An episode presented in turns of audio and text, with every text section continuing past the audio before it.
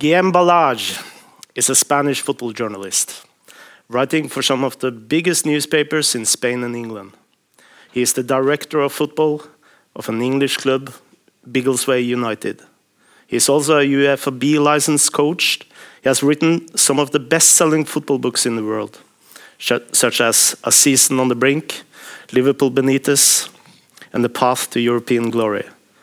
Pep Guardiola, Another Way of Winning, Messi, Barca, The Illustrated History of FC Barcelona, and now recently released Cristiano Ronaldo, The Biography, that has also been voted the best sports book in 2016 by renowned Cross Sports Book Awards.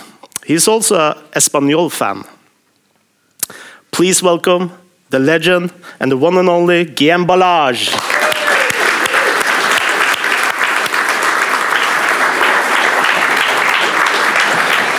There's loads of you.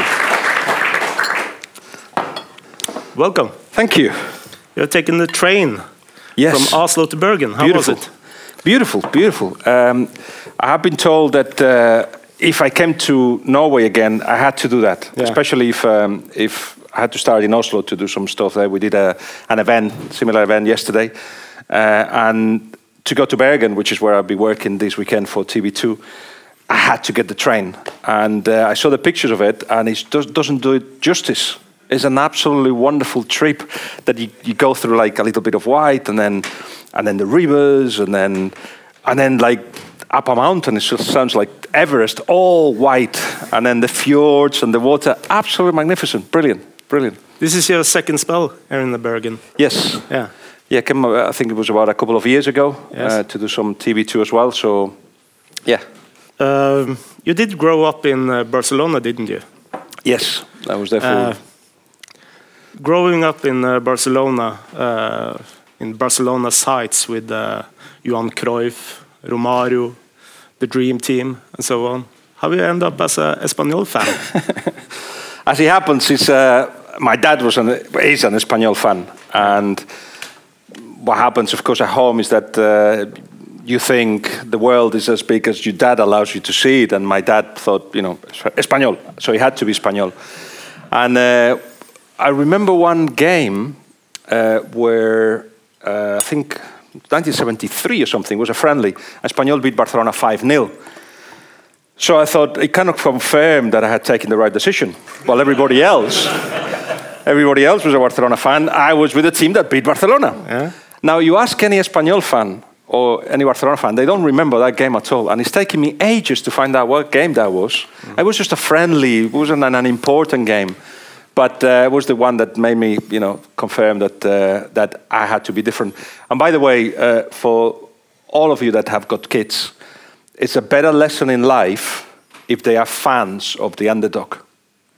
Losing, you learn much more. This is not my sentence, it's Pep Guardiola's. You learn much more from losing than from winning. So, My teams are Vålerenga and Ipswich. I Ah, follow well. that. Yeah. do you know what I'm talking about? And perfectly. Uh, uh, uh, Barcelona has branded themselves as a, a, a Catalan club. Uh, Espanyol, uh, what's the difference in a way? Well, I think they they were very intelligent in the way they branded themselves at a time when people weren't talking about brands, and uh, they represented a series of things that that uh, some of them were illegal. Uh, so you you went to the Camp Nou and you had the uh, the esteladas, you had the Catalan flags at a time when you couldn't have it. And During the Franco years? during the Franco years, uh, they uh, they twisted a little bit their history. Maybe twisted is a strong word, but they made it look like they were like that from the beginning. They were, you know, the ones representing a certain way of looking at the world and respect for all the Catalan uh, culture and all that. Uh, but really, that came on later on. Meanwhile, Espanyol did not know where, where we were. We started as a. I'm not going to bore you about Espanyol, don't worry. But, uh, but you, need, you, should, you should know we called Espanyol, which means Spanish, because we were the first Spanish club in Spain. So we had only uh, Spanish and Catalan uh, university uh, students. Everybody else had foreigners. Uh, Joan Gamper, Joan, who's now a Catalan word, is Swiss. Yeah. So he wasn't called Joan. But, uh, but anyway, uh, we, we were perhaps too closely identified with, uh, with, with establishment and the Franco era, and we didn't separate ourselves from it.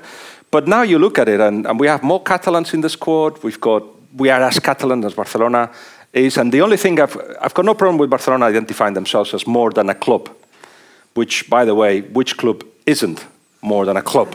Biggleswade United is more than a club, I can tell you Especially Biggleswade. especially Biggleswade United. But it's fine. They they they they done that very cleverly, and and they do represent certain values. Qatar. Uh, not sure what how that fits in the whole thing, but anyway. Uh, but the, the only thing I'm saying against that portray themselves as a, as a Catalan club is that listen, you don't have to be the only Catalan club. And for a while, they've been, they've been trying to tell us that if you want to be Catalan, you have to be a Barcelona fan. And it's like, no. Uh, you can be whatever you want to be. You can be a Real Madrid fan and be still Catalan. There's no one single way of being a Catalan. So, but they, they've, um, they've been very intelligent in the way they, they, they put all that together uh, in, a, in, a, in, a, in a package for a lot of you to buy. And the irony, and uh, correct me if I'm wrong, uh, but uh, the shirts are copies of FC Basel, isn't it? It is, yes, yes. Yeah, I mean, but no, no, no complaints there because even the more Basques of, of teams, Athletic Bilbao, also comes from Southampton. So you know, it was a time when obviously English were leading the way. Uh, but be international, be whatever you want to be, uh, but just don't impose this idea that you can only be one thing.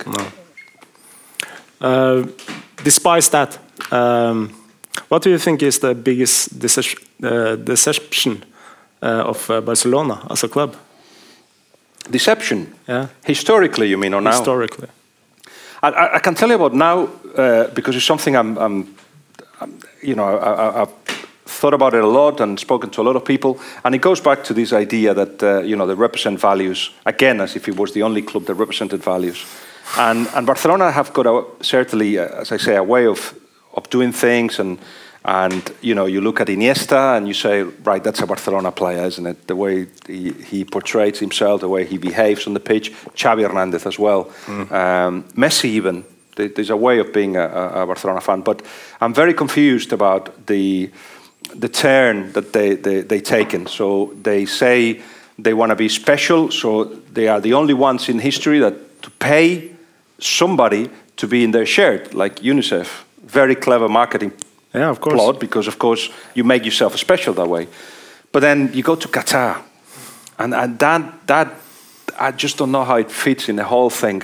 In fact, you can, you can almost say that uh, Barcelona directors, people close to Barcelona, are quite uncomfortable with the whole Qatar thing. So much so that they, they're happy that somebody else has come along and said, listen, we'll pay more.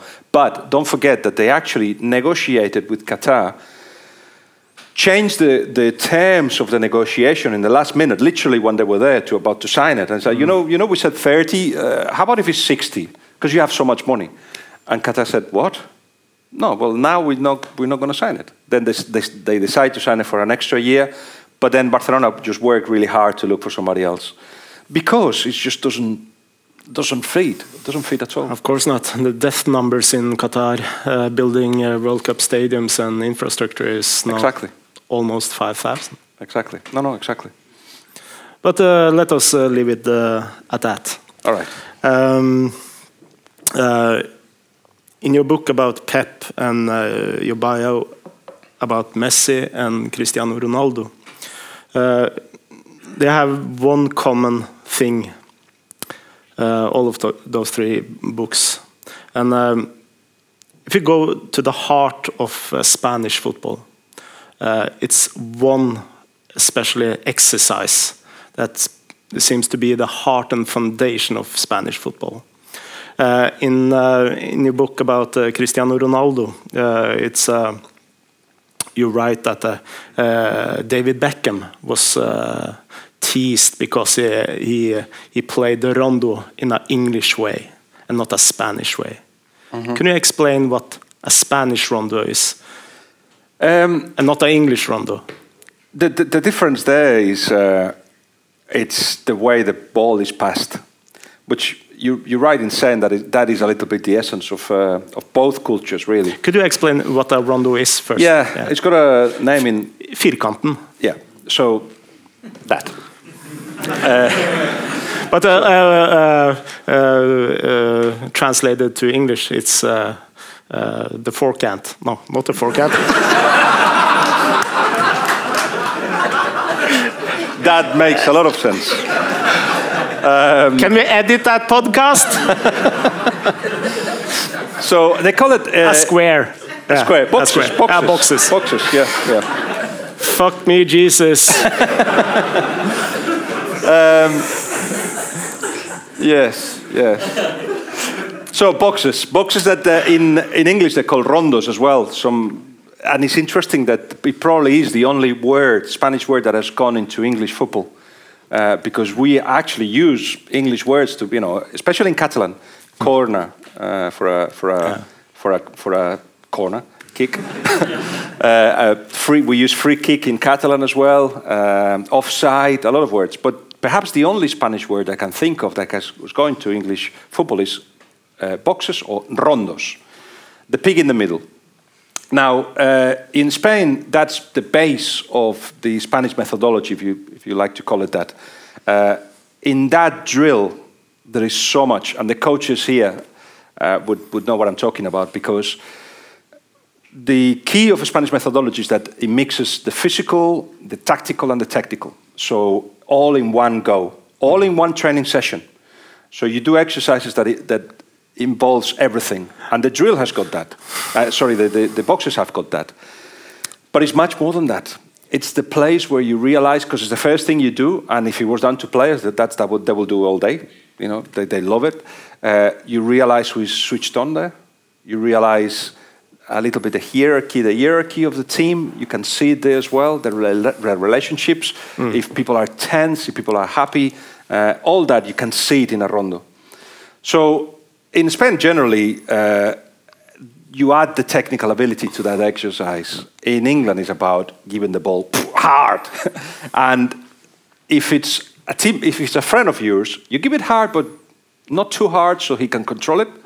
But if somebody new, or somebody young, or somebody foreign, or somebody else that you don't like, that goes really hard, so he cannot control it, loses the ball, and then he gets into the middle. So that's that's how it goes, and that's what. Um, moving to Cristiano Ronaldo, that's what he found when, when he got into uh, Manchester United. Because uh, there, were, there, there were three boxes. It was the one of the kids that nobody cared about and was just in a corner of the training ground. Then there was the, the one that the there was the, the, the millionaires one that they call themselves. That's the Champions League one they call themselves as well. That's Roy Keane and uh, Gary Neville and uh, Paul Scholes and Ryan Giggs and all those guys, right?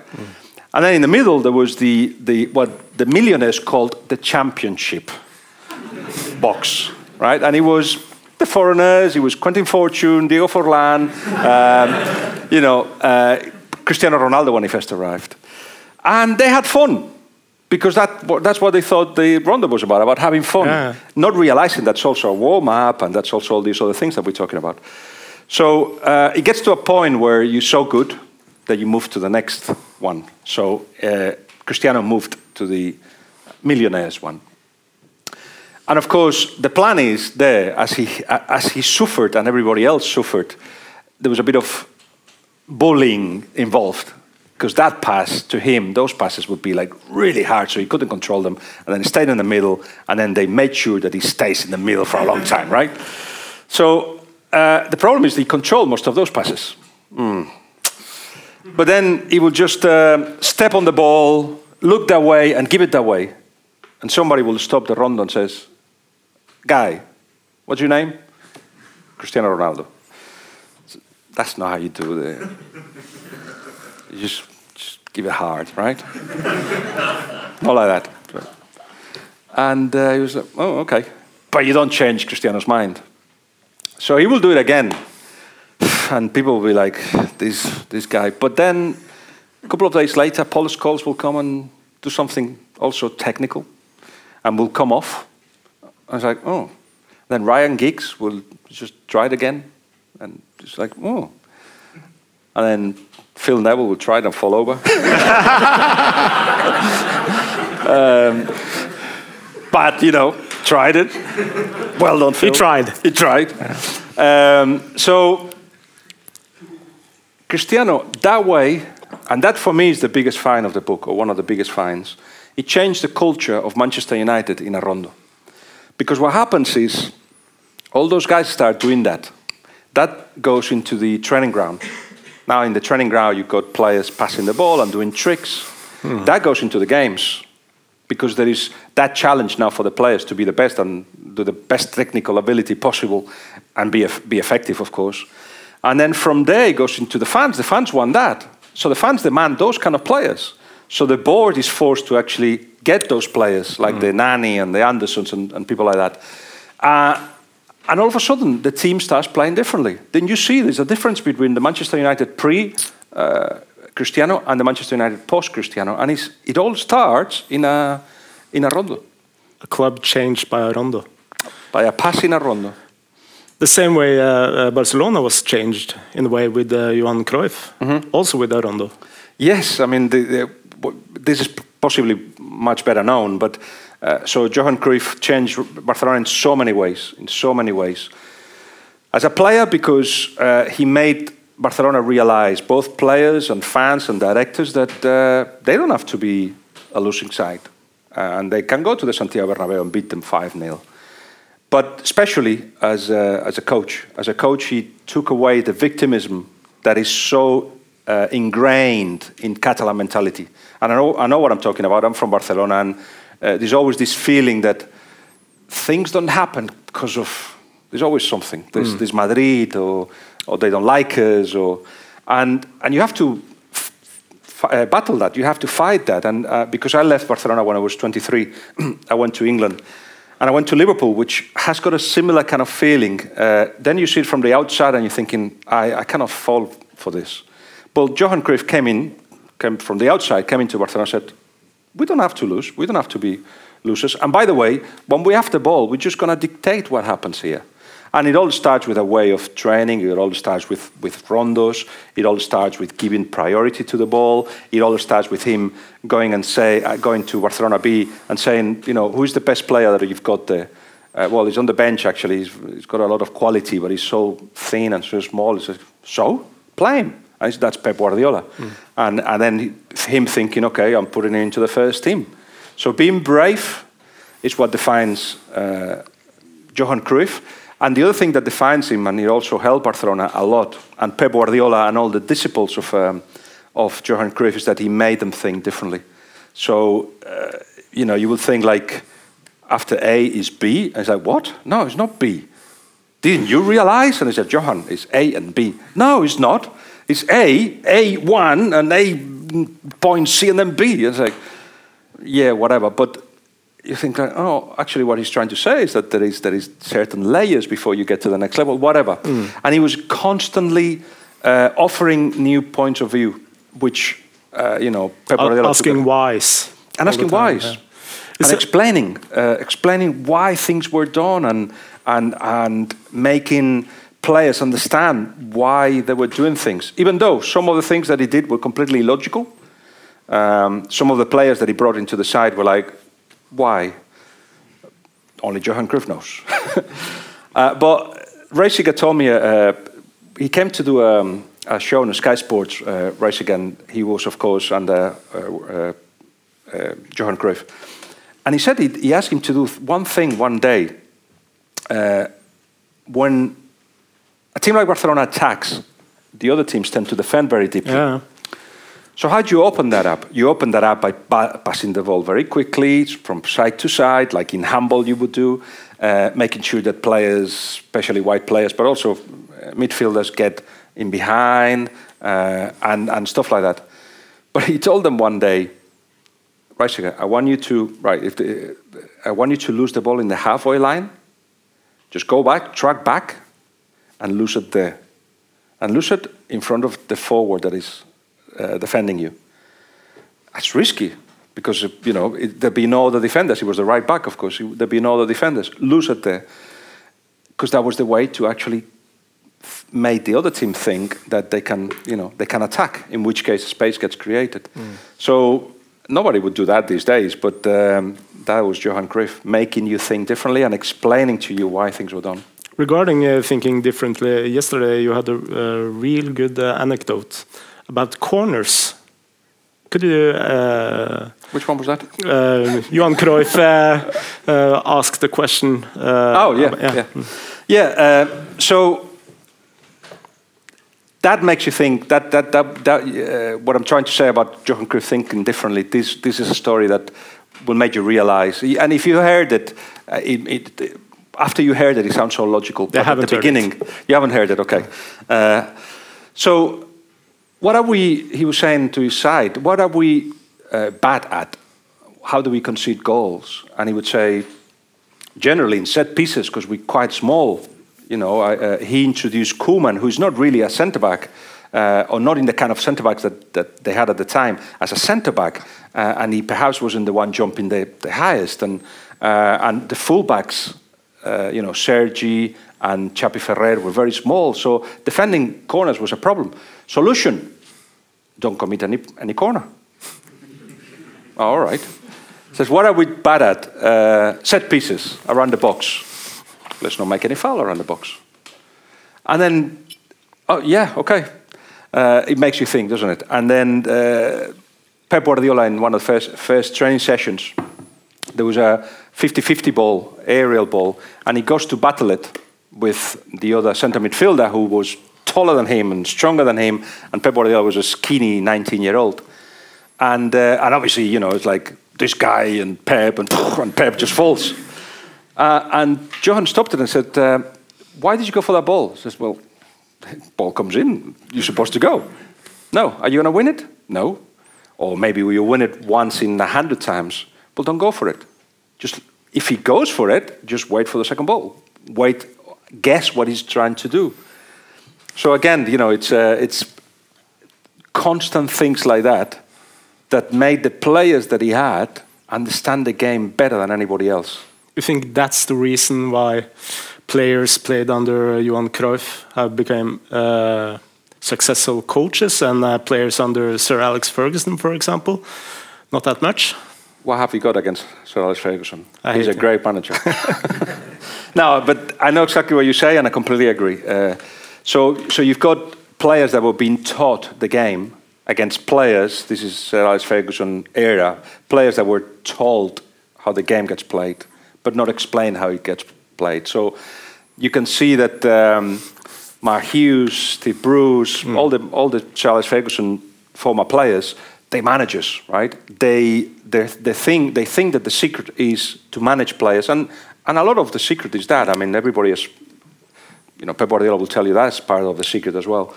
But then um, they don't have the layers of understanding that uh, the Pep Guardiola guys have. Uh, Eusebio, poor Xavi Ferrer has been a little bit unlucky, but he took Cordoba up. Uh, you know, Michael Laudrup, all those guys. Thank Johan Cruyff for, for opening up their minds. Because the thing that he did is not just he, that he told them how the game is played, he, to, he made them a mental structure, created a mental structure in, what, in, in where they were, they were allowed to think. They could think as And how to think. And how to think. So once you've got that structure, then, then you can conquer the world because uh, you will adapt to whoever you have. And, and it's, it's great that all that, both the way of thinking and the style, has been taken on by Pep Guardiola at the elite and taken it to a completely different level too. Uh, Pep Guardiola is a good example on on uh, right that. Um, always innovating uh, new tactical things. Uh, um, you have followed him uh, for several years now. Which tactical innovation have uh, impressed you the most, Wow. or stunned you the most? With with Pep, um, the, the fact that there is so many teams now that are doing what he used to do with Barcelona uh, suggests that uh, his innovations were that innovations, but also were effective, helps you win. So you have to go back to the beginning, uh, even though now you see you know the full backs coming inside, or the other day against. Uh, uh, Celtic, he played Zabaleta in centre midfield. Uh, you know, he, he, we, we know, of course, our false nine. By the way, none of this he invented. He invented none of it. But he put it together at a time where we didn't think it, you know, we didn't think it was possible. Uh, so the idea of the full of the centre backs going wide and and the centre midfielder coming coming deeper to start the build up, that's not his. He he's, he saw it uh, in Mexico, taking place in Mexico. So he, he's a thief. He, he says it himself. Le He's a thief. Was it La Volpe he got inspired from yes. in uh, Mexico? Yeah. So and and the uh, uh, he got stuff from handball. You know the, the, the movement of the of the players, the movement of the ball, uh, the, the the the the the winger. I don't know how you call it in handball. The winger coming coming behind the defense and that pass. The Messi pass to Jordi Alba. Luckily That- for me, the, it's called a winger in Norwegian as well. there you are. So, so that's that, all. That is just years from here and there, and he's still doing that. That's the amazing thing because one thing is to innovate, and another one is to actually continuously, continuously innovating. Uh, You you can see. I mean, I don't have to say names, but we can uh, in terms of who hasn't progressed, uh, who just made an impact, but hasn't left anything behind. Let's uh, me take it out there. Uh, Jose Mourinho? Maybe Yeah, okay. maybe. But it looks like he he's, he's stuck in time. He's repeating himself. He's repeating a lot of the things that he does. Um, you know, having a having a go at the most talented player, leaving him out, and then bringing him back in, as he is doing with Mkhitaryan. He's done that every, in every team he's been. Yeah. Uh, talking about the ca- the calendar and the kickoff times, and talking about the referees and all that. He's always done that. Mentality. Yeah, the, the, the us against the world and all, and all that. But, you know, Manchester United and Real Madrid, that not sure that works. They are already at the top. It's like half of the world is yours. Um, to say that the other half is against you, I don't know. It doesn't, doesn't work. And at Real Madrid, it didn't work with certain players that were World Cup winners. You know, it's like, show us football. Don't talk to us about this other stuff. So, but in, in the case of Pep Guardiola, the, the, the, the pressure high, the, the intensity of that pressure to convince the front men to actually do it. That, uh, interesting on that. Uh, one of the reasons, or perhaps the most important reason why Leo Messi was moved to the center and became a false nine was a defensive reason. Because he was on the right uh, hand side and uh, Rijkaard. And we all knew, and I, I'd spoken to Rijkaard about this, and, and he always said he will end up in the center. He, he, he will be whatever he wants to be. Amazing player. And when Pep Guardiola first arrived to Barcelona, he had him on the right hand side, and he remembers a game against Lyon where he didn't track back, he didn't defend. This was the post Ronaldinho era where, you know, Ronaldinho showed him a few things about how to be professional and how not to be professional. Mostly that. That, yeah, mostly that. Um, so then it was a problem because if he didn't track back, then the fullback had to face two and three players, and it was a, it was a weakness. It was a very difficult game for Barcelona. So he thought, I need to move that guy from there to the center.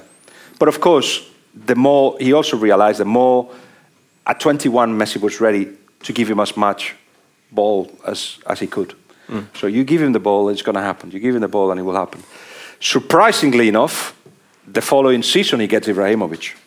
Part of that deal with Eto'o, you know the whole story. But uh, why did uh, Pep Guardiola even sign uh, Zlatan? It was part of. Uh, they wanted to get rid of Eto'o. Um, Eto'o wanted to go to Italy, so there was the possibility of the swap. Um, it was all done because they also wanted a, a number nine because they didn't have a number nine. If Eto'o was going, can we get a guy that can drop a little bit deeper and move around and he's intelligent? And he thought Zlatan was the man. He didn't sign him; it wasn't his choice. It was Laporta's choice, and it was uh, uh, down to that Eto'o effect. But very soon they clashed. They clashed because um, there's a personality clash, which gets reinforced later on. But there is a there is a geographically clash, a ge- geographic clash because um, you had been given the previous season Leo Messi the center, but his favorite move was coming from the right and doing that diagonal that he still does. The problem with that is that in that diagonal, as he had happened to him in every single team he's been since he was six or seven, the normal is a striker. So every coach identifying that the talented is the guy that, that comes from, from, from the wing and, and, and does the diagonal, they tend to move the striker away, mm. which that was badly identified by many as Messi kills all the strikers. But it's the coach that says, I don't want this guy to be there. So Zlatan was there. And Pep was trying to say, Zlatan, I know you like to play there, but could you just move a little bit, to, just, a little bit, move aside? And I said, but, but I'm Zlatan. so the conversation wasn't that great. Uh, but you had to let Messi grow. Yeah. And, uh, and even though Zlatan scored against Real Madrid and did a few things, uh, it became very, very clear very soon that he did not belong to what they were trying to do. And five Ballon d'Ors later, it's all history. Yeah, well, not for Zlatan. he still remembers it, and uh, not for Zlatan's agent either. Let's uh, get back to uh, Pep Guardiola. If uh, uh, you mentioned La Volpe here, uh, but if you take Johan Cruyff out of the equation, who or or maybe what do you think have, have shaped and formed Pep Guardiola as a coach the most? I'm not sure if he would. Um, just quickly going on Johan Cruyff, I'm not, I'm not sure he would he would say this publicly or maybe think it. I don't know, but I think he would like to be taken away from the Cruyff mantra. Mm. Yes, he was a mentor. So was Bielsa. So was Julio Velasco, the volleyball Argentina volleyball national coach. And uh, his assistant is a water polo uh, Ah, Manel Estiarte, that's a different story. Yeah. He doesn't get involved in the tactics, but he was the Maradona of water polo. Yeah. He, was, he was my hero. He doesn't believe me what I say that to him, but he was my hero. Yeah. We would be in the swimming pool in the summer just playing volleyball, you know, like, like he did, but standing up instead of like just going like that. Uh, it was great. He, he, you know, we won golden medals in the Olympic Games. He was a hero. So he was very useful to. Um, to Pep Guardiola when Pep was in Italy and all the doping scandal took place, but also because uh, uh Manel Estiarte has opened up the mind of, uh, of Pep Guardiola in relation of stars. You know, uh, for instance, the uh, in that first preseason when Lionel Messi uh, sees, looks around and doesn't see his adopted father and his adopted brother and the other adopted brothers, like Imota that wasn't there, and Deco wasn't there, and Ronaldinho wasn't there, and Rijkaard wasn't there. And those were the guys that protected him, mm. put them under, under his wing. They were not there that preseason. So it was difficult to deal with Leo that preseason. He was head down, serious, and Pep did not know how to deal with him. So he did it the Pep way, which is more or less like this. Leo, talk to me. For the podcast, I'm standing up and holding Frodo's jersey and shaking it around. Um, and uh, I, I, was like, Leo would just head down and go away. And I spoke to Manel Estiarte at that point and, and was like, what, what am I doing wrong? And Manel was like, look, I was Leo and I did not want you to talk to me. I did want, I, did, I wanted you to find out what's wrong with me and then do whatever you had to do to make me happy. That's what, that's what uh, Manel suggested uh, Pep. And then he realized, of course, that uh, one of the reasons why Leo was unhappy is because he wanted to go to the Olympic Games with Argentina. And Barcelona were fighting for that to take place because that would have meant him missing the qualifiers of the Champions League, such an important competition, young coach, mm. new era, could not start badly because it was, you know, you could not let your best player, one of your best players, go that way. But Pep decided eventually that to let him go. He said to Laporta, "Look, I know you've been battling, and in fact they got the, the permission to keep Leo, but I want Leo to go. Leo should go, uh, win the golden medal." Pep said, "I want it. I know how special this is. It's only once in a lifetime." And then all of a sudden you saw uh, Leo kind of changing his attitude, his body language, and of course, and coach would know this. Leo owned something to Pep at that point. Mm. So when he was coming, when he came back, Leo had to give something to Pep back. So uh, that's how the whole relationship started, and Manel Estiarte was key for that. But sending your best uh, players, no, uh, best player to uh, the Olympics, what do you call it in Spanish? Cojones? Yeah, yeah, yeah, yeah, a bit crazy. Yeah. Uh, but I think the um, brave bravery is something you have to link to uh, Pep Guardiola because he decided to go one way that people weren't going.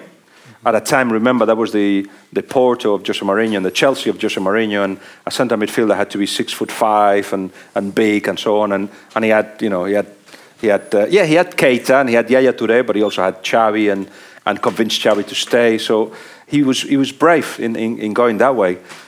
As brave as he was in the conversation that he had with Laporta, uh, when Laporta and him met up, quite clearly Laporta, uh, even though Txiki Begiristain and some of the directors were meeting Jose Mourinho and talking to Ernesto Valverde and Michael Laudrup to take over, um, Johan Cruyff said he has to be Pep. So Laporta decided to go for dinner with Pep one evening, and they had a lot of wine. And uh, also beautiful, written in your book. I yes. Yeah. So um, yeah, have you all read the book? Because then uh, I won't tell the story. but if you haven't, I'll tell you the story. So they are in this restaurant, and uh, which is closed down now.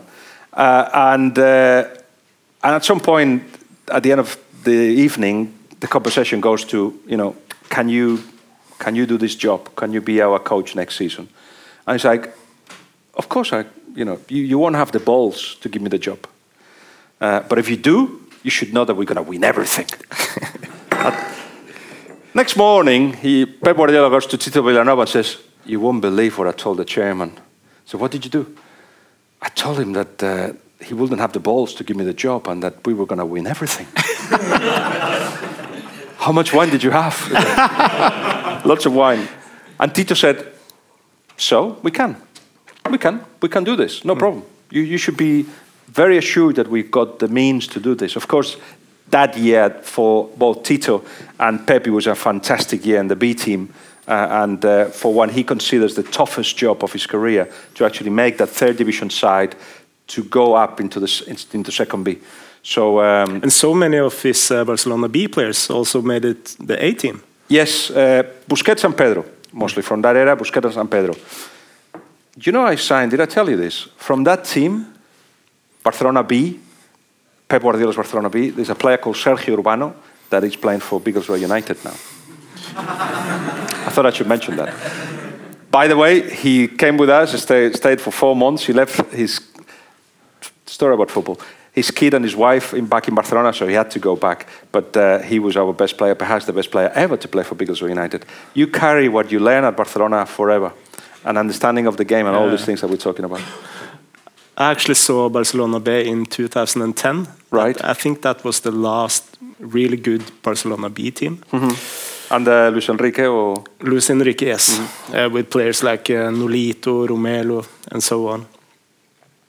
And uh, this was in April, uh, and when a new season started in uh, August, every player on that team, minus the the goalkeeper, was in European top clubs. Wow.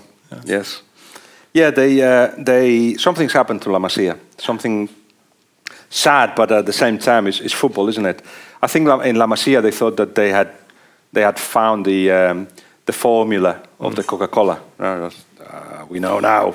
We know now how to produce players. Look, there's the picture there, and you can see La Masia, Messi, Iniesta, and Xavi, and they all come from La Masia. And I think they they reproduced what they thought it took them there. Mm. Uh, in, in, in a methodology department, which uh, perhaps allowed less room for improvisation and for getting it wrong, uh, which actually is what took them there. Hmm. And, and perhaps it's not identifying either that those guys, if they had been at Real Madrid, Iniesta almost signed for Real Madrid, and Xavi almost went to Milan, uh, and Manchester United wanted him. They would have been top stars there, and, and Messi it was not produced by La Masia. So there is the, what La Masia had, certainly, but it was an amazing generation of players, amazing, amazing gen generation of players that, that has taken Spain, Spanish football and Barcelona to, to, to the top. So uh, perhaps they, they lack the, the, the, the, the, the humility of saying, right, we have added something, but it's down to the players as well, of course. Mm. Uh, you have got a, a unique inside experience uh, of both uh, Real Madrid after writing Cristiano Ronaldo book and in Barcelona after writing about Messi and Pep Guardiola. What would you say is the, in terms of training methodology, is the difference between Real Madrid and Barcelona? Without going too much in, into detail, because of course there is there's a lot of differences. Uh, the concept itself is the main difference for me. So for Barcelona, uh, they decided that they want to produce players that go into the first team. So players that uh, all play in the same way because Johan Cruyff said so, and uh, used to be 3-4-3, now it's 4-3-3, whatever. So they, they look for that profile of players is important. The profile of players they change from what they used to have to players that can fit mm. uh, Barcelona's first team. The problem is with them is that 98% of them don't get into the first team, and they do. Some of them succeed abroad, but they, they get brought up in such a way that it's difficult to play away from Barcelona. For Real Madrid, the concept is different. They call it La fac the factory because, in a way, it is a factory, like, like every academy. But it's based on the idea that every team can play different, depending mm. on the coach. Mm. Coaches that tend to be former players uh, in recent times. Santi Solari now, uh, who is, who is, who is the, with the B team, um, and he's one of the top, will be, I think, one of the top coaches around. Uh, it's completely different to Ramis, who was in the juvenile, so to Guti, who's now coming to the cadetes, I think. Uh, but they don't mind because what they produce is players that know how to respond to every situation. And they the can always end up in Getafe. some, some of them, yeah, because they don't go to Real Madrid first team. But uh, last time I looked, and this is a few years back, I, uh, I compared the success of the Real Madrid players from the uh, from their academy in the Barcelona ones, and even though almost as many uh, uh, kind of play into top teams, the most successful ones tend to be Real Madrid ones, but I need to look at that again. But it's just a different way of, of producing players, certainly. That, that would be the main difference. Hmm. I'm going to re uh, read you a quote from your last book. And uh, it starts as uh, followed News is circulating that I allegedly made offending remarks regarding Lionel Messi. This is absolutely false, and I have assured my lawyer takes action to sue those responsible. I have the utmost respect for all my professional colleagues, and Messi is obviously no exception. Cristiano Ronaldo on Facebook, November 2014. Yes, thank you for reminding me of that. The person Ronaldo wanted to sue, that is you. That's me. That's me. What happened? Well, um, it, show, it taught me a lot about Cristiano, and it told me a lot about um, about the media business as well. If I didn't know, I did. But um, what happened was, this is by the way the beginning of the Cristiano book. It had to be. Uh, so in the Messi book, I wrote, a, I wrote a story that I was told from different sources about what Cristiano used to call Messi, because he doesn't anymore, and, uh, and certainly there's a lot of respect. But at the time, it was Cristiano would walk into a changing room, and for him, it was like going to war. Mm. He will dress like a warrior, you know, perfectly dressed in his white clothes, uh, the, the, the, the socks up to the knee, and, and you know, everything to go to war. And then he, he needed to identify who the enemy was, and the enemy at the time was Messi. So he would call Messi motherfucker. and he would call everybody that. Uh, uh, you're gonna have to beep this this bit. beep. Oh, motherfucker is uh, great. Oh, oh it's that's the it's only that's the only English word I really know. uh, and he would call anybody who who he would see talking to Messi motherfucker, and. Um, basically, that, that I think my only mistake on telling that story was that I said it in the in the Messi book. Uh, I could have kept that for the Cristiano book, uh, but he was, he was there. And for a year, nothing happened. The book was in the shops and it was selling well and it was being translated, and people would call and say, How do you say Norwegian motherfucker for the Norwegian version? and not a problem. Uh, and then a year later, what happens in, with books in England is that you have to do a um, paperback version, you have to update it. And I updated the Messi book with having spoken to him and, and his family about how he lived the World Cup the uh, 2010 World Cup. Uh, and through that, uh, I got to know why physically he was unwell, and I, and I, and I thought it was very interesting that bit. Mm. So I used to work for the Telegraph, and the Telegraph bought the rights of the update. And instead of getting that bit, that extract about the World Cup, he, they actually went into the book and wrote, oh my God, uh, this is a great story about Messi almost signing for Arsenal. There's a great story about Cristiano calling Messi that. Um, let's put those extracts out. This, by the way, is 12 months after the book was published. And then mayhem Broke took loose. place. Now, this is two, two things about that. One means that nobody had read the book. Uh, because the story, was, the story was there 12 months earlier. But secondly, of course, it meant that all the conversations I've had, had with Cristiano and with Jorge Mendes about doing a book together, it was going to be my book, but I was going to talk to them. Obviously, we're not going to happen. But for those of you that are journalists or are interested about how, how the process of writing a book takes place, let me take you back a couple of weeks before that Facebook post that he sent to 100 million people. Just 100 million. Um, and what happened was, for a, I, had already for a year been researching uh, for the Cristiano book. After you uh, write about Messi, you have to write about Cristiano. And, uh, and I got a no from Mendes and Gestifute in terms of, we're not going to help you. We're not going to. Foot is the agent Agency. company. Yeah, the agency were uh, Jorge Mendes' agency.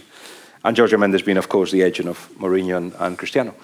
So um, it was a no. It was a definite no. And I spoke to Cristiano four times in regards to the book, and I said, Can we talk? And he said, Yes. Second time he says, Yes. Third time he says, I told you yes. And fourth time he said to somebody who was there at the time, Would you just sort out a meeting with him because we want to talk? So that, that's how it went. Um, but there was always, you had to go through Mendes to get the approval. Interestingly enough, I spoke to Florentino Perez, I spoke to people at the club, I spoke to players, and they all said the same. Ask Mendes, who not, doesn't belong to Real Madrid, but has got that much of an influence. So it all was going to come down to a conversation between Jorge Mendes and myself about how the book was going to be done. Remember, all the books I'd done until then were uh, with the people involved. The, the, the Liverpool one with Rafa and his crew, um, Pep Guardiola helped me a lot, and Messi, of course.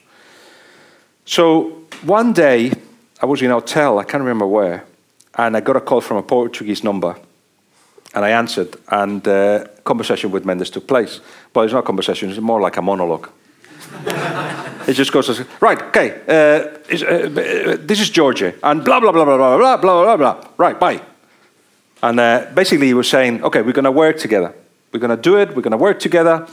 He says the problem is Did he say split 50-50 as well? no, No? no, no, no, no, no. We didn't even enter that, that kind of thing because, you know, it's, it's what you can earn with those books is peanuts compared to what they have, as we all know now.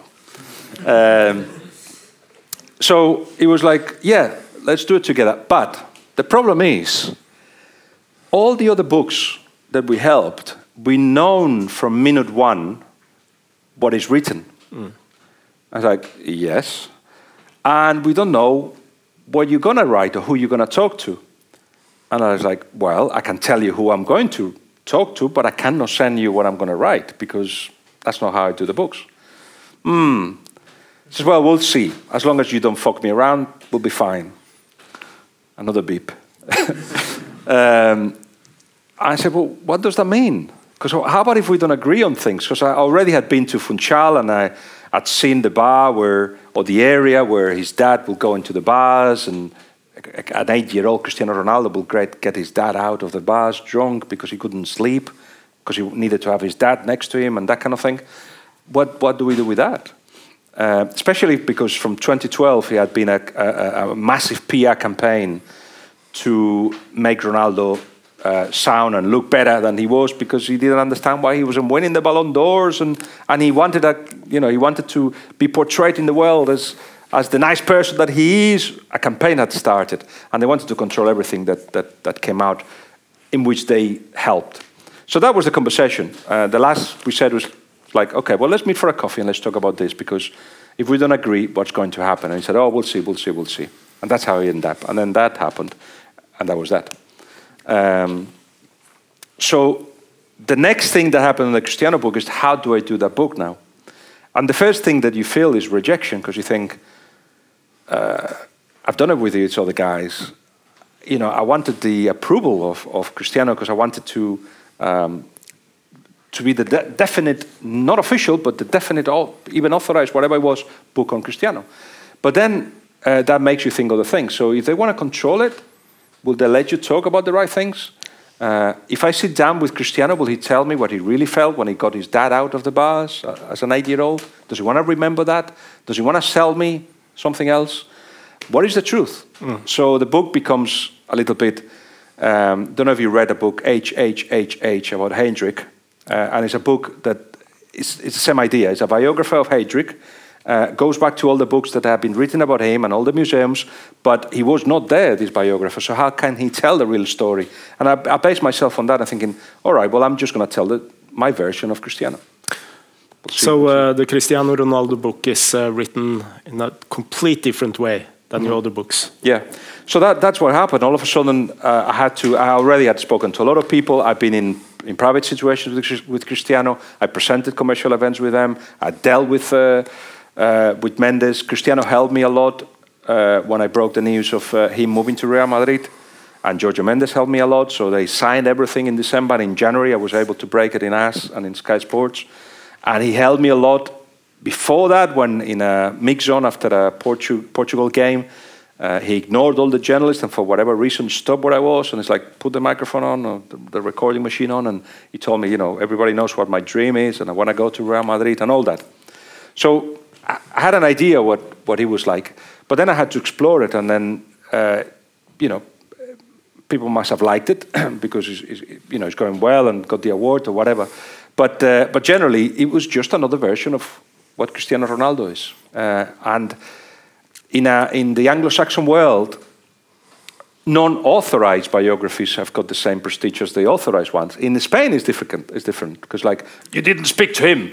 it's like, no, I didn't speak to him So for it's this book. completely different. Uh, yeah, they don't see it like that. In Spain, they see it like you've stolen the story. Ah. You've stolen the story. I was like, no, I haven't stolen the story. What I've done is, is something that, again, is more common in, in politics or in history. doesn't have to be authorized. So I've gone from the authorized book on Messi, which you have to say is, is got its own limits as well, to the non-authorized uh, story of Cristiano Ronaldo, and I'm very proud of both of them. Let's uh, uh, go back to uh, the motherfucker and, uh, and uh, uh, Cristiano Ronaldo's behavior because uh, uh, you're writing a, a lot about his uh, childhood and uh, you have a very touching way of uh, explaining his uh, behavior today. Yeah, um, you can you can buy it or not buy it. I'm just going to tell you as I see it, and and that's why I explain in the book. You wrote it so good that uh, I buy it. Okay, Yeah. let, us try to sell it to all of you then. but for me, um, the the uh, the Cristiano book, which by the way today has been bought by a Norwegian publisher, so it's going to be in, in Norwegian in very soon. Today, Okay. uh, and an email on the way here. So thank you very much. Congrats, Uh, thank you. Uh, so, um, in the, I hope they use the both photographs that uh, I have in the English version of uh, of the of the book because in the front one there's this perfect picture of Cristiano Ronaldo, almost like androgen. Um, you don't know what he is. Looks like a robot, but perfectly shaped um, uh, picture of him. And at the back, there's a picture of him as a kid, scared, and behind some nets in, of, a, of a goal. And that's Cristiano. That kid is Cristiano. And I know that he looks like the other Cristiano now, but I think the guy that, uh, that defines him is the other guy, the kid. And I've got in my mind this, uh, this moment described by, by the people that were there of him coming out as a 12 year old, imagine, from Madeira to Lisbon, which two different worlds. It's now closed, but at the time, two different worlds, especially for somebody who's never left Madeira before. And he had his back on his, on his shoulder, and he had a, a note on his chest hanging down his neck. 12 his years name old? as a 12 year old with his name. Imagine if you have a kid to actually uh, allow your kid to do that, to just go on his own. And then there were two people there, two adults that would look after him for the following few years from a Sporting Lisbon. And that was the world that he had to conquer. Imagine that little kid with the note in his chest. He was about to conquer the world. You wouldn't have said at that point. But the thing that helps him conquer it is the things that have made him suffer. Because the, the most important thing uh, in our lives is our relationships to parents.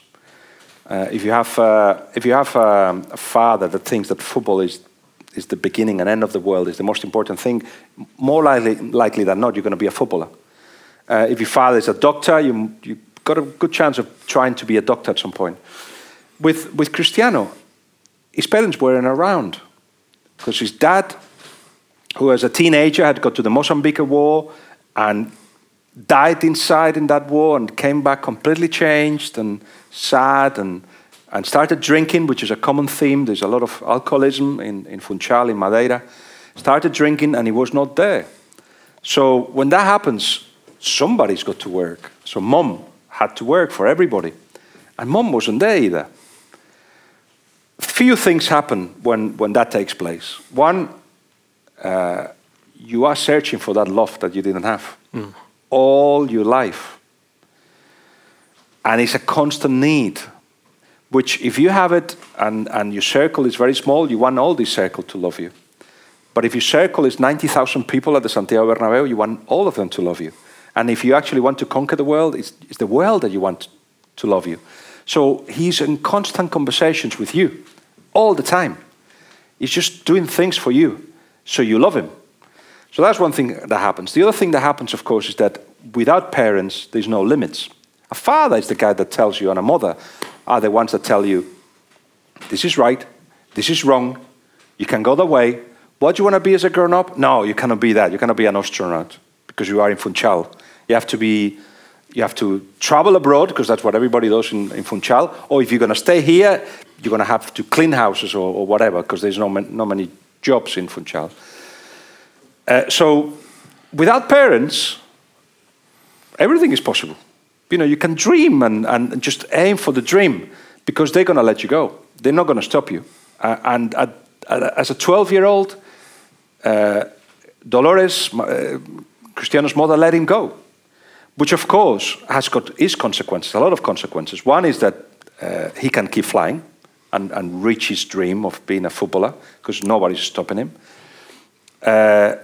Because he hasn't been told what's right, what's wrong. Sometimes he behaves in ways that don't belong there like uh, I would say the same one, but when he goes, when he wins the Ballon d'Or and goes like boo, it's like that's not right, is it? I mean, what are you doing that for?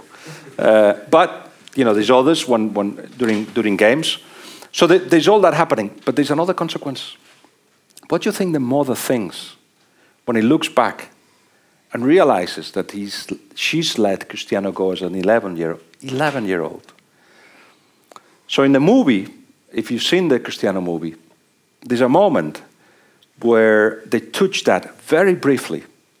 And that's why I was better off doing the book I, I, I did, because in the movie that is completely ignored, apart from one moment. Mm.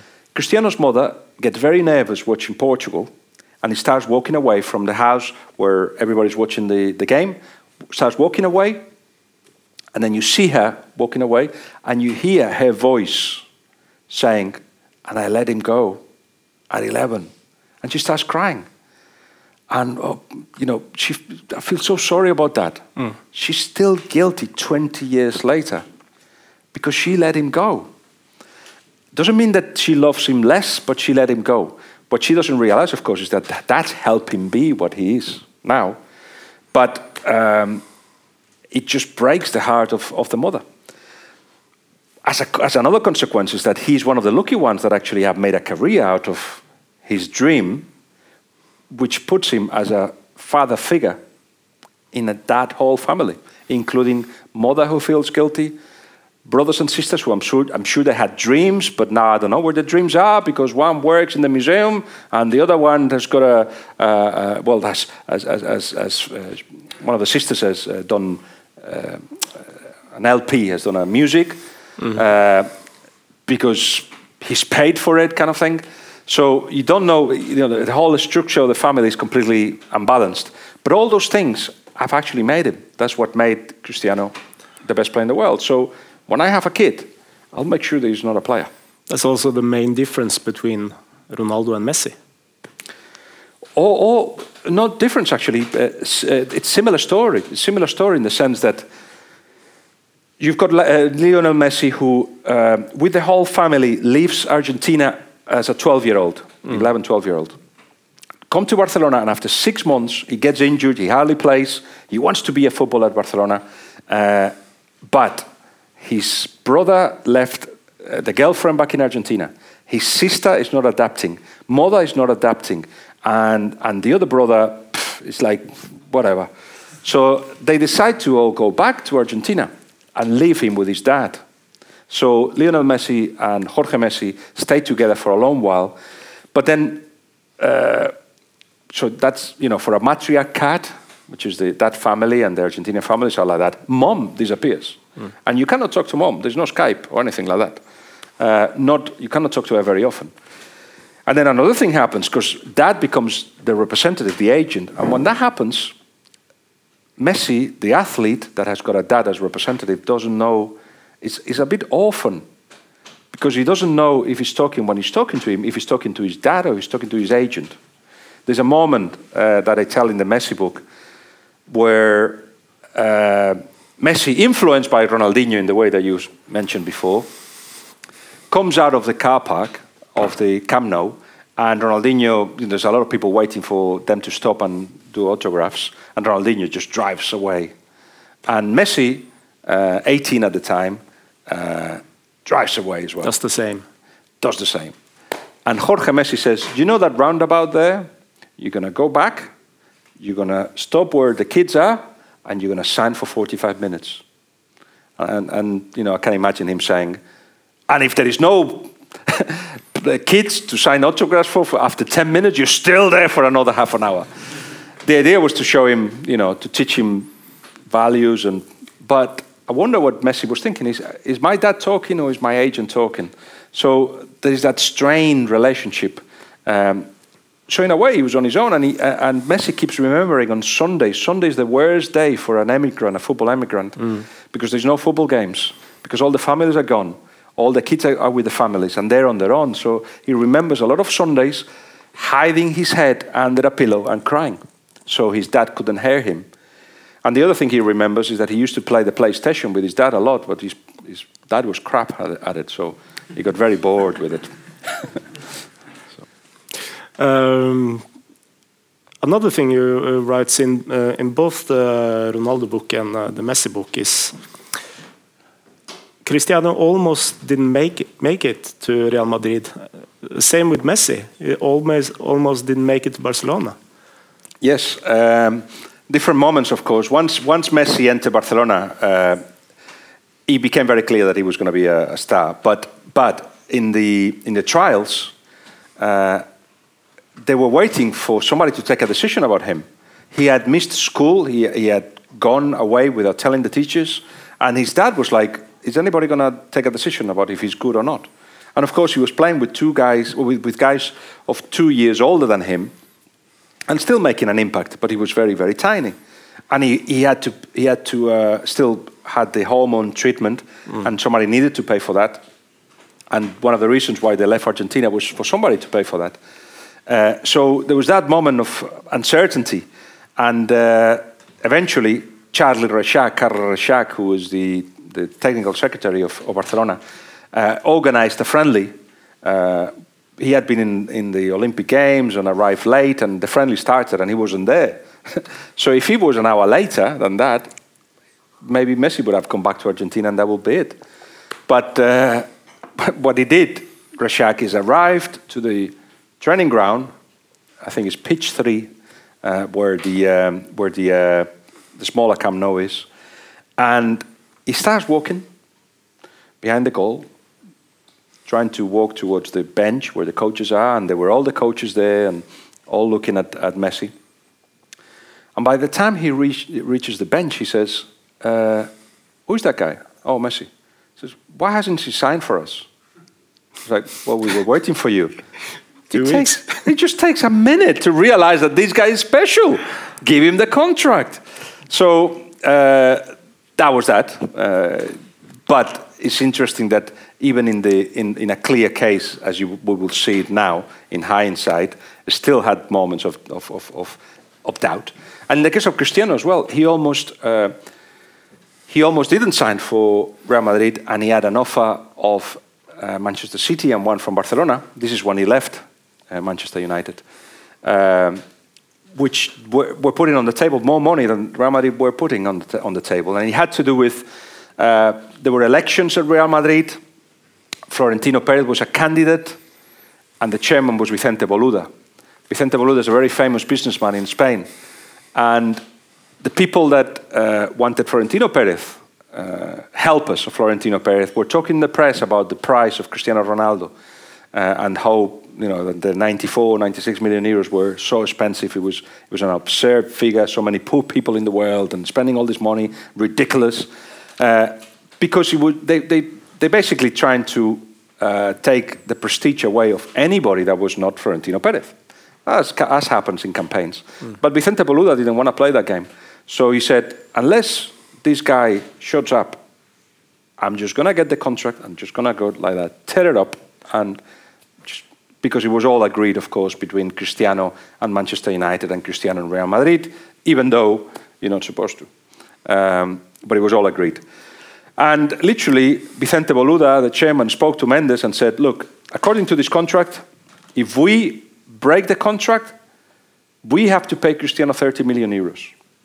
We're happy to pay that because I don't want to be the guy that spends that absurd figure uh, and be accused of things. Uh, so Mendes prepared the scene and sent a lawyer, or was going to send a lawyer the next morning to, Rama, to Madrid, to the offices to actually just agree everything. I said, Do you know the 30 million? Forget it. We won't charge you.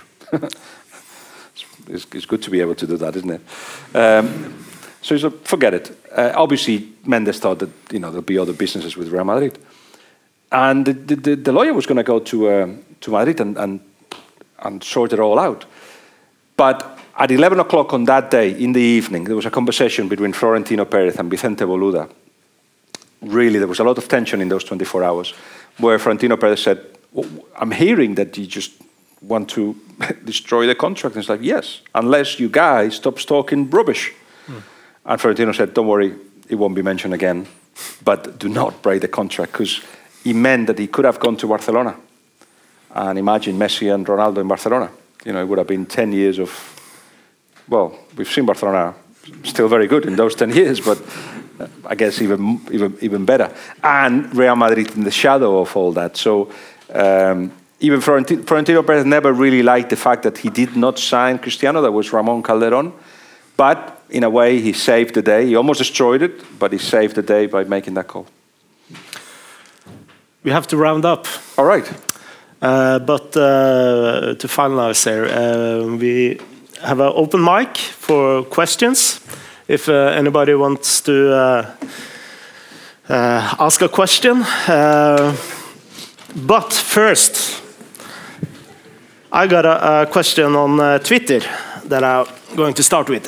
On? On Twitter. Oh, know, okay. Oh, yes. It's yes, a yes. social media channel. Yes, yes. You have yes, about uh, one million followers. I don't know. Oh, that one. Yeah, oh, that, that one. one. Okay. Uh, okay. uh, let's see. Let's see. Let's see. Uh, it's uh, uh, from a guy called Tommy Leland. Okay. Yeah. Coming from a country where direct football is the norm can you make an argument for why possession football is more effective? Or other reasons for playing that way? Perfect question for a guy from Barcelona, isn't it? E well, and it's not more effective. It's not more effective. Prove me that it's more effective. Possession is no more effective. Possession is something that you either identify with or you don't.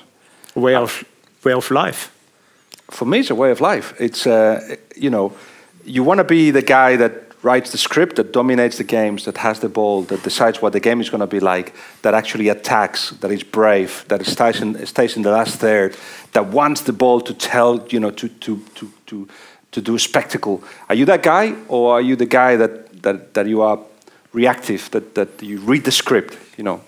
The guy with the ball writes the script. The other guy, the reactive guy, is the, is the guy that reads the script who do you want to be? Uh, and I know what I'd like to be, and I, I, know what I'm trying to put in practice at Biggleswade United. But you actually have to realize that, uh, in terms of tactics, everything can work if it's done properly. Uh, a bad example, but perhaps, but at Biggleswade United, we go to pitches that are very small and that they're not very good. So you have to play second ball. You have to. But it's about understanding that you have to do that. But in principle, the principle uh, that is the reason why I get Christian Colas as a head coach and Frank Constancias as a head of the academy is because we believe that actually when you come on, onto a pitch mm. to hmm. play football, is to do what you did as a kid. What did you do as a kid to play football? If you had money, you carried the ball. But if not, you wanted the ball. It's about playing with the ball and play with the ball to enjoy yourself. And I guarantee you that players prefer to have the ball than not to, not to have it. Well, let's, let's go back to that because I think that's the essence of football. But as you said earlier, it's also about your, um, your approach to life. Uh, do you want to be the, the, the, the, one who dictates what happens on the pitch? Or the silent one? React? Yeah, yeah. So the talking one. Yeah. well, not necessarily. Uh, for instance, Busquets would be the silent one in a team that wants to have the possession. You need things. You cannot be fundamentalist. Mm. But um, I like my teams to give me spectacle. To to you know, I'm going to pay money to watch my team. So I wanna I wanna enjoy what they do, and I wanna I want them to be brave. I think we have a question from the left wing here. I'm, I'm, I'm just handing out the mics to those who want to say anything. Do you have any no, question from the audience? Spørsmål? Yeah. Si hvem du er, hvor du kommer fra. Thanks. Uh, my name is Alexander Ferreira, actually Ferreira. Spanish, from Galicia. Uh, I'm a big City fan, been many through many ups and downs.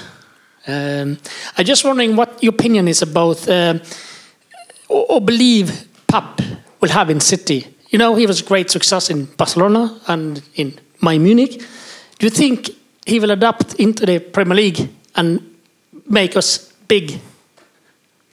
I mean, Premier League is a different league, and it's harder. But do you think he can do the same thing in Premier League as it done in La Liga? And what do you mean it's harder? Harder than what?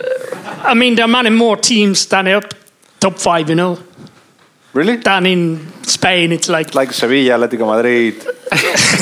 Don't let him go.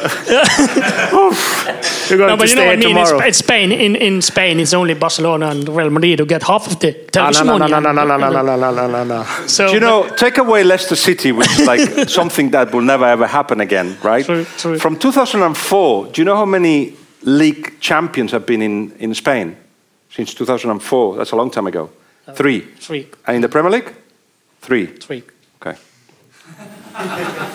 Sorry. It's a, it's a myth. It's a myth that the Spanish league is not competitive. I know you're not asking that, but it's a myth.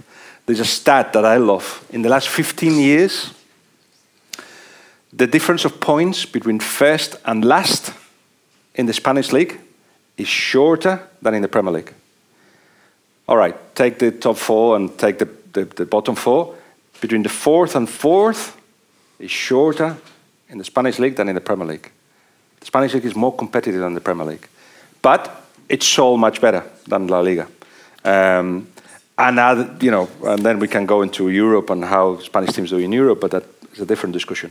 Um, I think Pep has already adapted to a point. He's still trying to find out um, how to control uh, games better, uh, but that's part of the process. Of course, he's just arrived. I've got no doubt whatsoever that he will adapt. He's an intelligent man. And as a coach, he learned a lot at Bayern. Uh, he, he kind of crashed with the reality of football that you may have great ideas, but you depend on the players that you have. So he just needs to improve the players. He needs another goal scorer. He needs fullbacks. Um, and then he can continue with the, the process that he's, that he's, that he's doing. His Goalkeeper. Target, sorry? Goalkeeper. no, well, I mean, there isn't, there isn't many. Uh, I don't think he's unhappy with Bravo. No, no, I don't think so. Um, but you know, everybody can improve, of course. Uh, but for him, the priority is to entertain you and win. Uh, and I think he's entertaining you already. Winning, we will see at the end of the season. Second season will be better, and the third season will be even better. But uh, this idea that uh, oh, the Premier League is so hard, and would he be able to just you know, last time I looked, it's 11 players against 11. They have there's a ball, so same like as in any other country. And if you ask him, he says the hardest thing um, these ever done is to actually win the league with the third division side of Barcelona. That's the hardest thing because it was his first job. So, you know, he's happy. Uh, everybody around him are happy. Uh, there's a lot of work being put in. And because he does that, he, he, does put so much work, gives so much information to players, I've got no doubt that he, he won't fail. Now, it'd be interesting to hear what people think failing and success is because the expectations are so big that, for instance, at Bayern, because he didn't win the Champions League, a lot of people say, oh, he failed. Oh, really? Oh, he failed, okay.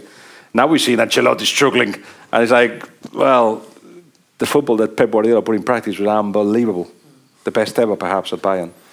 It has, uh, in many ways, changed Germany. And he has changed Germany. Mm. He has. He has. He certainly has. Um, or German football. And, German, and um, some of the new innovations, the new way of thinking about football, come from Germany now. Uh, the Hoffenheim uh, coach, Tuchel, the way he thinks about the game, uh, Klopp, representing another way of doing things. But uh, and uh, I think he's made fashionable for uh, Germany to think about the game, to think. But this is the media, the fans, and the, and the coaches to think and to try different things and to give an opportunity to young coaches.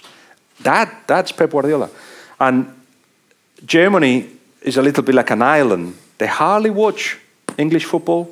They hardly watch Spanish football. It's interesting that for many years they didn't even have the rights of Spanish football. So they think that Messi is the guy that loses the World Cup against, uh, against Germany. and Cristiano Ronaldo is the, win, is the guy who wins the European Championships with Portugal. So um, it's easier to influence an island, if you like, because they, even though they, they, they, they were, they've got a way of thinking about the game, all of a sudden, uh, you know, they see that these other way succeeds in Germany, so then you can't think about it. England is a, Britain is another island, big island, big island mentality. Do you have a last uh, question there?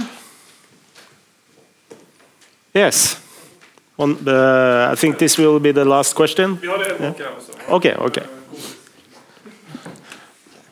Hello, uh, my name is Janes, and there's this story about when Pep was a player that he went to Arsene Wenger and asked to play for his team. But Arsene said no, he had plenty of midfielders. And if you look today, I think they play a bit similar style of football. Do you think that maybe Pep style has been influenced by Arsene too, or would you just give Pep all the credit? Um, what I know of that story is that uh, uh, at a time when he left Barcelona, Arsenal were in the equation, but they decided not to go for him. Like uh, those that actually put an offer were in a, a, a, solid enough offer, and he actually decided to go to Juventus. So if Juventus, even though he didn't go because of something happened, uh, if Juventus hadn't uh, made him wait, he may have been in England before, he may have been Arsenal. I don't think Pep Guardiola has been influenced by Arsenal or Arsene Wenger. No. Um, but English football has been influenced by Arsene Wenger, big time. Regarding uh, English club, in your book about Pep, also a wonderful uh, chapter about uh, Paul Jewell and Wigan.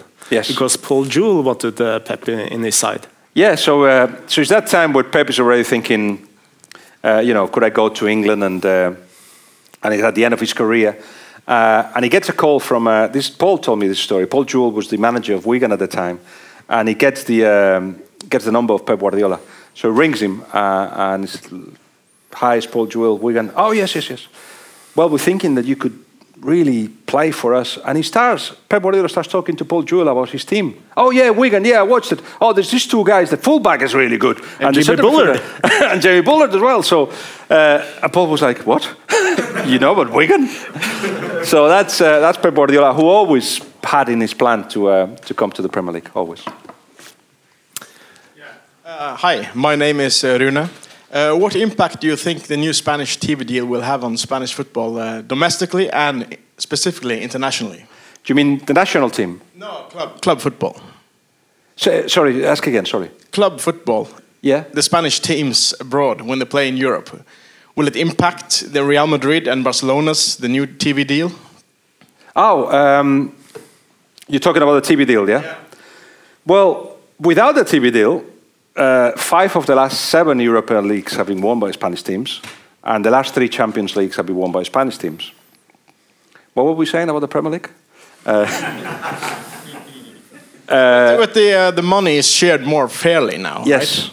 So Spanish teams are prepared to receive more money now. Prepared in, in that the uh, the finances of the club are much better. Uh, the debt with the tax man is all, almost cleaned out.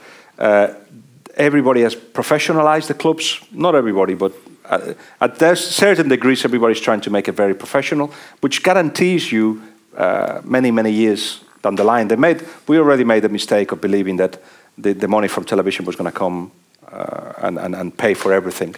But now that we've hit rock bottom a few years back, I think we are ready to actually uh, apply the, the, lessons that we learned. Like, you know, uh, our, our scouting has to be sharp and clever, and you have to try things, you have to risk, because the Premier League has got so much money.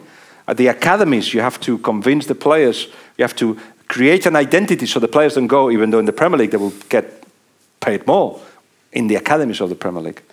That's another one that will be interesting to hear in detail. What happens to the Spanish players that go to academies in England?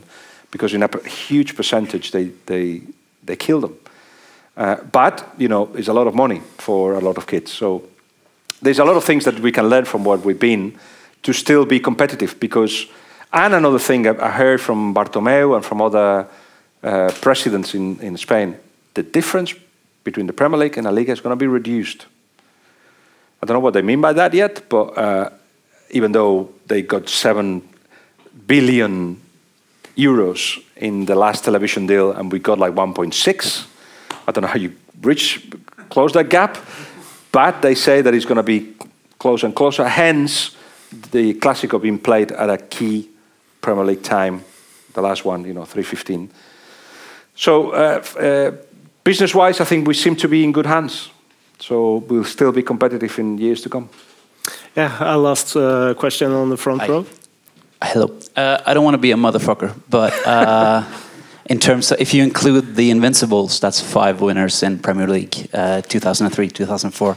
No, no, no. I said from, two, from 2004. But they won in 2004, so that's five winners, including From Leicester. 2004. That's still four, though, not three. Anyway, I don't want to be a dickhead. Uh, I was just wondering, do you have an all-time favorite player? What, what, like, what was the first player that ever mesmerized you? You, will, you, will, you haven't seen him, uh, Gabino, who played for Betis and Espanyol.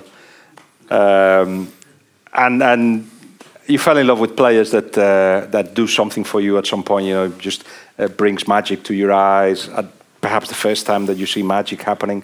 And I remember he used to have, I don't know why, he used to have this bandage in his, uh, in his what do you call this? The, wrist. In the, in the wrist, bandage in the wrist, I don't know why. Uh, but he would just get the ball and dribble players and then fall over. It was great, great football. Because that's what we do, isn't it, when we play? So. It breaks my heart. You Next time I'll ask from the season 2004 2005. Still four. well, yeah, I said, I said earlier on, I explained that Leicester is a, is a completely not case that's never ever going to happen. So, you know, I, I, I, I, twisted the question a little bit. You know, uh, all the motherfuckers uh, are on the front row. Yeah, always. Yeah. that's fine. We love them all.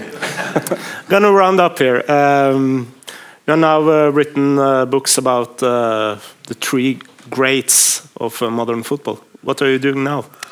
So the next one is uh, it wasn't easy because it had to be something that, that was interesting, that could last, uh, that was mysterious, that um, that that had that had I hadn't dealt with. Because with Orion we spoke about doing another pep book and follow him at City, but but we decided that the, the pep book is already done. So the update, the one that's come out only a month ago, has got like thirty thousand more words to finish off the last three years of Pep Guardiola and why he went to City and stuff like that. But so he had to do had to be something else, and that was interesting outside the UK. So uh, I don't know if you will agree with us, but we've decided to do a Pochettino. Uh, but Pochettino done in a different way. I think Pochettino will end up at Madrid or Manchester United or, or a big club. Mm. He's learning the trade still. He's got a really good team next to him, and he and he does things in a different way. It's not all about tactics with him, it's not all about innovation, it's about values, It's about leadership.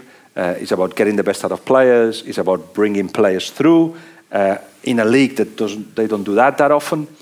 So the idea is, at the moment, because I haven't started writing it yet, but it has to be finished by June. The idea is, uh, and I hear you you laughing. Yes, I should start any any minute now. Um, the the idea would be I'm getting so much information because I get to talk to him every week and I go to see training sessions and, and I've got a plan to actually follow him for What did he say about you going to Norway? Uh, well, no, ooh, Norway. Because uh, I was, I, I normally meet him on Monday, but I cannot meet him this Monday because, uh, uh, so we probably would have spoken on the phone uh, generally today before a game. But anyway, that, that it's going very well, and I'm getting a lot of stuff, but not just from him, from people around him, uh, soon from from his family as well, uh, people at the club. So I've got a lot of stuff, uh, and I think I'm gonna I'm gonna do a, a diary of the season because it may not be a very special season, it may be, uh, but in any case, it's interesting to see why he takes the decision he takes, and that tells you a lot about what he's like as a as a manager and as a as a person. Where can we buy your books? What can you? Where can we buy your books?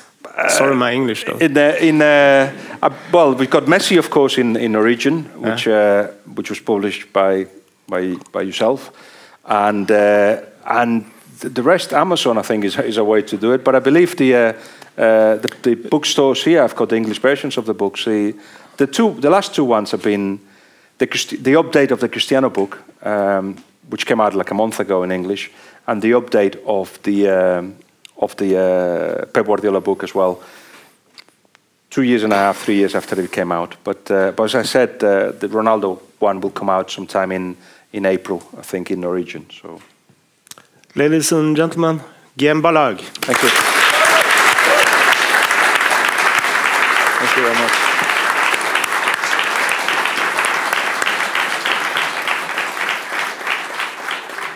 Bit of posing.